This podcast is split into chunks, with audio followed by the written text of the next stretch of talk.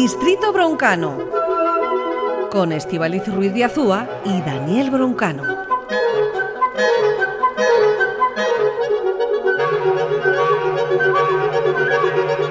Saludamos a quien es clarinetista, quien es especialista en música clásica, Daniel Broncano. Caixo Estivaliz, ¿qué tal? Bueno, preparado y listo para ese nuevo capítulo de musicología y organología aplicada. Eh, súper preparado. Y además, eh, según eh, transcurre este curso, los contenidos creo que se hacen más interesantes. Es que hoy vamos a un instrumento muy especial. Antes de que te metas en un instrumento muy especial, que yo sé que todos lo son, yo quiero que escuches esto que tenemos preparado para que veas que todo lo tenemos preparado y bien, y bien preparado. Que sepas que nos ha costado trabajo ponerles a todos en orden, bien sentados y que suenen todos así de bien. Escucha.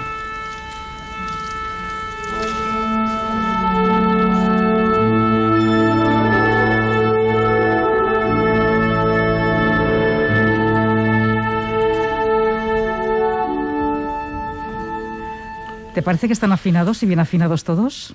Qué maravilla, pero esto os imagino a todos los de la redacción y del equipo aprendiendo a tocar un instrumento para tocar esto. ¿Esto habéis sido vosotros? Los tenemos aquí, los tenemos aquí, la orquesta, sí, la orquesta. Tú sabes, entran al estudio y los tenemos aquí dispersos y preparados para esto. Qué polifacéticos sois, qué maravilla, qué barbaridad. Bueno, decías que tenemos instrumento nuevo en nuestro curso de musicología. ¿Cuál es hoy? Bueno, pues hoy vamos a profesar nuestra devoción más sincera a la trompa, eh, instrumento al que vamos a amar durante la siguiente media hora. Eh, es uno de los más antiguos, la trompa. Eh, fíjate, Estivaliz, que, que, en otros idiomas ya directamente su nombre nos habla de su historia. La trompa en muchos idiomas se llama cuerno y es que directamente viene de ahí. O sea, tenemos que imaginarnos a los eh, primeros humanos em, con eh, habilidades eh, musicales o con intenciones sonoras haciendo pedorreta con los labios. Directamente, bien. Directamente, directamente en el extremo de un cuerno hueco. Y voilà. O sea, con esto ya tenemos la primera trompa. Luego se hicieron de metal ya en Roma. Así que directamente lo primero que vamos a escuchar, esto es curiosísimo, es una reproducción de una trompa que se, se encontró en Pompeya esto es con Abraham Cupeiro, que es, un, es una especie de arqueólogo musical que reproduce instrumentos de la antigüedad. Y esto es pues un cuerno, un, perdón, un tubo de metal de unos eh, dos metros eh, que hace estos sonidos eh, cuasi sagrados que vamos a escuchar a continuación.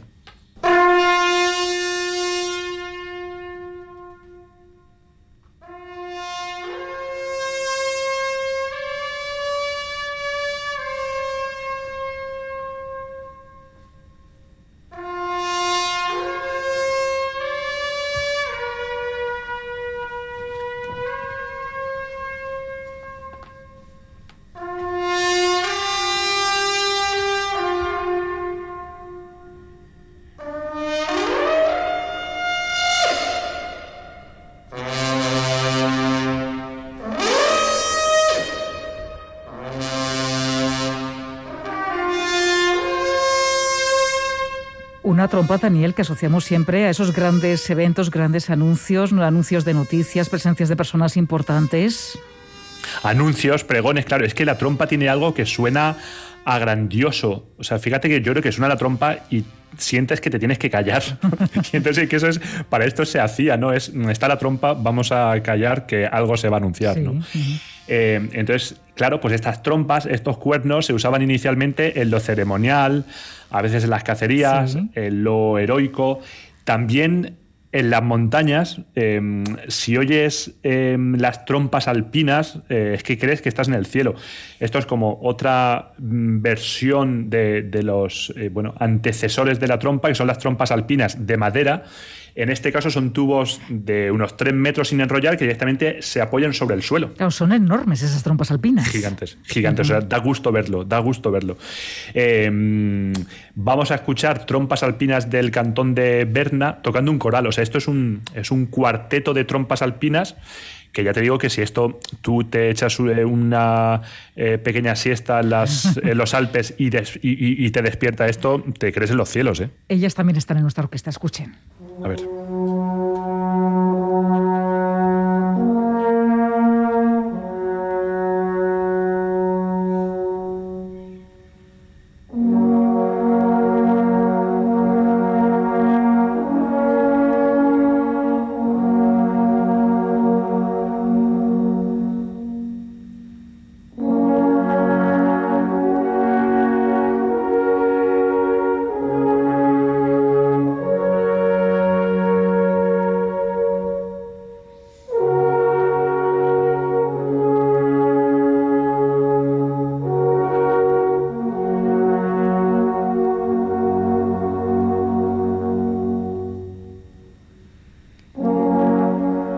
Trompa suena grandiosidad. De, esperen que ahora paso yo por aquí.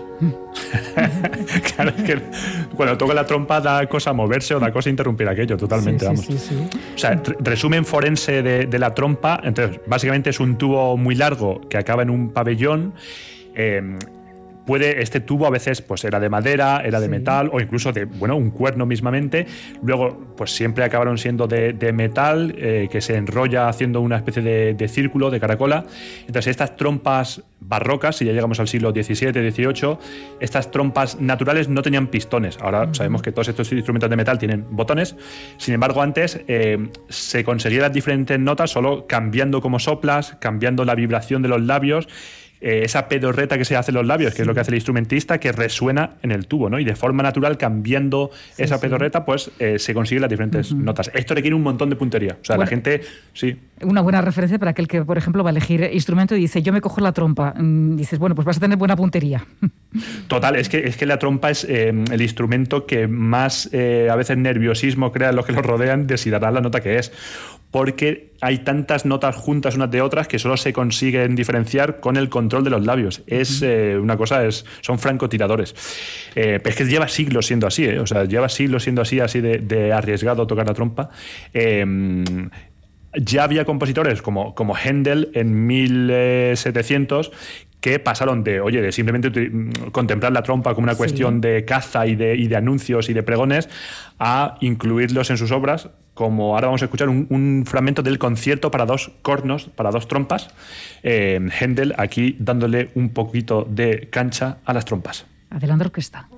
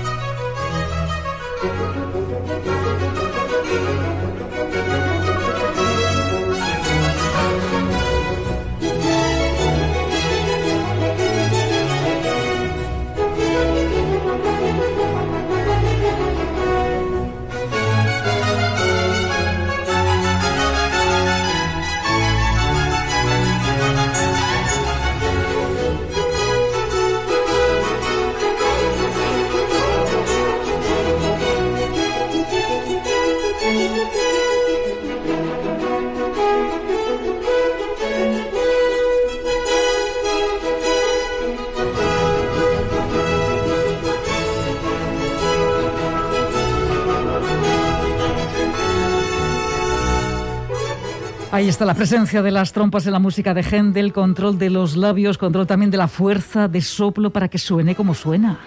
Total, trompas todavía salvajes, porque aquí vemos que las trompas todavía los trataban como animales eh, sin domesticar. Eh, escuchamos que suena, suena, o sea, suena naturaleza eso, directamente. Hasta que Estivaliz llegó ¿Quién llegó? Llegó Mozart. Siempre tiene que aparecer Mozart. Siempre llega Wolfgang. es, que, es que Mozart fue el primero en blanquear muchos instrumentos. Em, porque confiaba en sus posibilidades totales, o sea, les daba crédito. Pasaba con el clarinete, pasó con el fagot, con la trompa, porque era un tipo, era un tipo visionario, era un tío eh, que confiaba en el futuro. Entonces escribió cuatro conciertos para trompa para su amigo Joseph Lloydgeb Em, hablamos de Joseph porque es que este también era otro personaje, o sea, era un súper trompista. Mozart se dio este caso que se hacía amigo de gente que tocaba súper bien y con ellos descubría lo que se podía hacer. Em, entonces, este Joseph no solo tocaba fanfarrias simplonas tipo caza, sino que es que de verdad conseguía tocar música de la que estarías cantando todo el día. Mozart era un rodeate de los mejores. Total, era parte de su, también de su habilidad, claro. Em, este Lloyd Gebb eh, desarrolló una técnica que luego ha continuado siempre, que es tú coges la trompa y con la mano izquierda eh, mueve, o sea, destapa los agujeros, después pistones, y Lloyd Gebb además con la mano derecha, según cómo tapaba o destapaba el pabellón o cómo metía la mano, conseguía eh, modular el sonido, incluso conseguir otras notas. Bueno, esto es parte de la técnica fascinante de la trompa. Pero la relación que tenían, Steve dice, es que esto era increíble, eran muy buenos amigos eh, eh, Wolfgang, bueno, le podemos, le podemos llamar eh, Wolfi, le troleaba. hay confianza, vale. Hay confianza. Todo, es que todos los músicos tenemos confianza con Wolfi. Troleaba a Joseph todo el rato. Es que esto aparece en las cartas, aparece en las partituras manuscritas de estos conciertos que le llenaba de comentarios que son. tradúcemelo, de, trolear. Trolear es tomarle el pelo, es retarle, es cachondearse un poco de él, vale. Eh, pero nivel, eh, nivel muy habilidoso. Eh, esto casi lo escribía en, alemán barrio bajero, en modo jerga. Se puede traducir, esto es verídico. Concierto número uno, comentario en cierto pasaje, cuando, es, cuando va a empezar un pasaje es, a ver si puedes tocar esto, tontorrón, y lo escribía así. después de un pasaje también que es un poco arriesgado, menos mal que este pasaje se acaba, y lo escribía. un pasaje un poco tierno, me estás poniendo los pelos como escarpia, burro, y se lo escribía así. Acaba de tocar el primer movimiento descansa un poco, guapo. O sea, que había confianza entre ellos, se ve, ¿eh? Había confianza y debía ser un... Yo creo que Joseph era también un cachondo y entre ellos era como... ¿Sabes que en la música a veces damos instrucciones como Dolce, eh, toca esto con pasión, cosas muy, eh, pues muy comedidas. Y, Mozart le daba instrucciones de otro tipo que supongo que, que este le, espoleaban para tocar con más garbo. ¿Quién no, esconde un, quién, no entiende un descanso un poquito guapo? ¿Eh? Pues eso lo entiende todo el mundo. Y sobre todo picarle, picarle con esto no lo vas a poder tocar, tontorrón. Y entonces, y entonces el bueno de Joseph tocaba una música tan esplendorosa como la que vamos a escuchar ahora.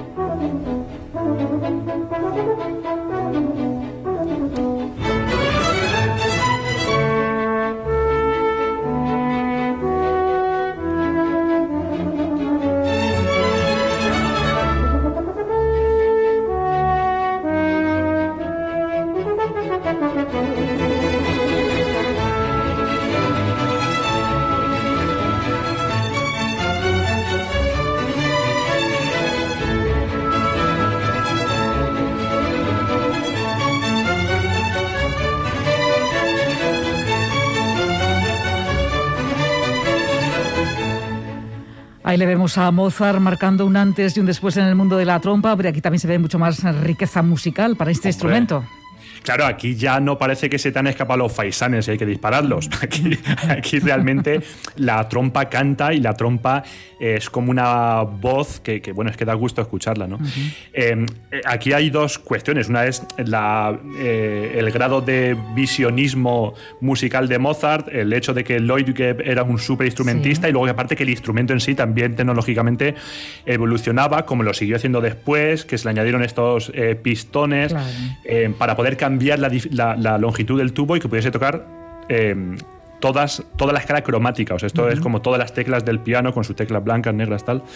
Eh, eh, otro compositor un poquito después que ya sí que confiaba en la trompa como instrumento virtuosérrimo. Esto fue Schumann.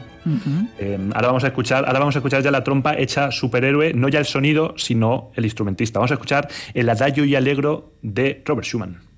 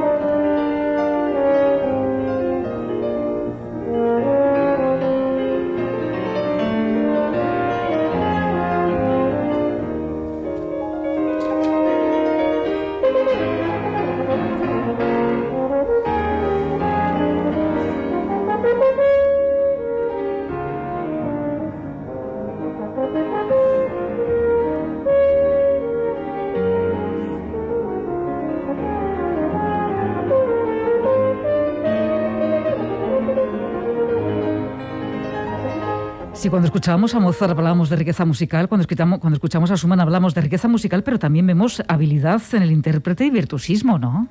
Mucha, mucha, mucha, mucha. Eh, pero notas algo especial, o sea, aparte de, que es admirable con ese instrumento cuasi salvaje lograr esto, eh, ¿aprecias algo especial en esto, que en esta interpretación en concreto? Pues que está bien hecha, es que no sabría qué decir. Está, muy bien hecha. Pero espérate, Estivaliz, que es que ahora viene la traca. Esto a quien estamos escuchando es eh, Félix Klisa, uno de los mejores trompistas del, del mundo, alemán, y que nació sin brazos. Eh, Félix toca, eh, toca los pistones de, la trompa con su pie izquierdo. Eh, esto es una cosa conmovedora de ver y el resto de la trompa pues, pues la toca con el alma.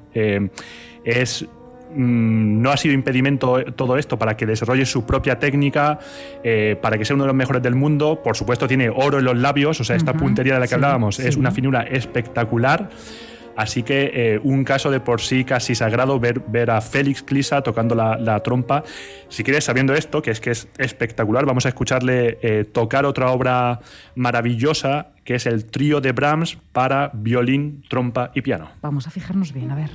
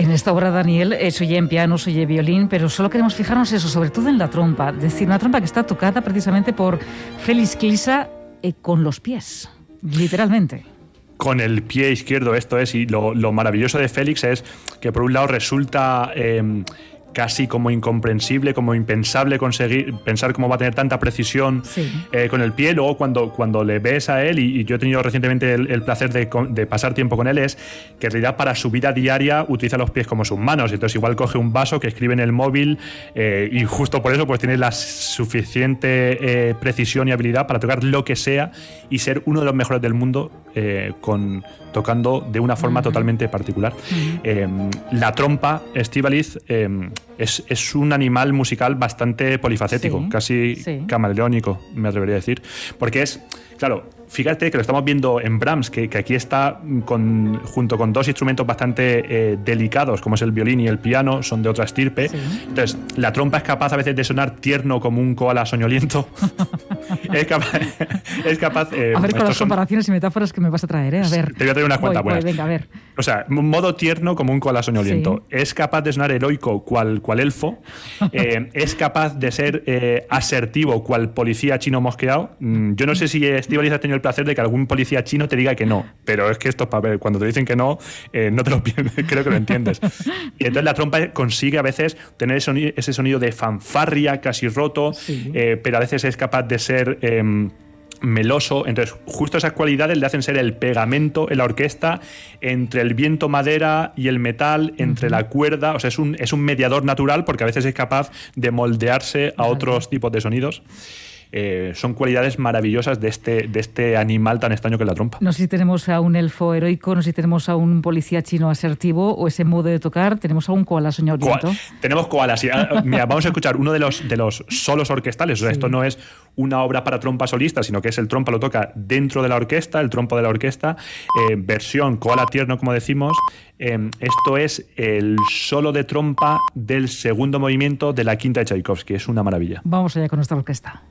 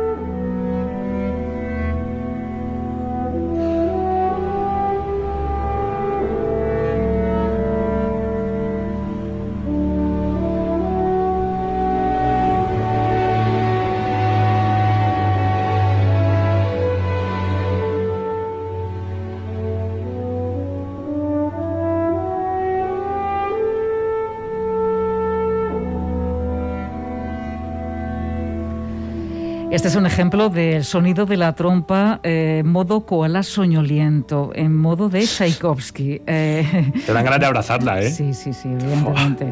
Ahí el trompista todo. Hemos hablado de Tchaikovsky, de Brahms, de Mozart, de Händel. ¿Quién más apostó por la música de trompa? Pues otro, otro compositor que hacía apología de la trompa siempre lo hizo, que era Richard Strauss, eh, uno de los valedores, que compuso dos conciertos dos conciertazos para trompa, o sea, un concierto para un instrumento es en el que este es para que se luzca este instrumentista, la orquesta le acompaña y el otro se luce. Eh, son muy difíciles porque no hay donde respirar y esto lo hacía mucho Strauss, mm. que es pensar en melodías infinitas y ya los instrumentistas de viento ya se, ya, se las apañarán para, no morirse por anoxia. Eh, vamos a escuchar un poquito de este concierto para trompa número 2 de Richard Strauss.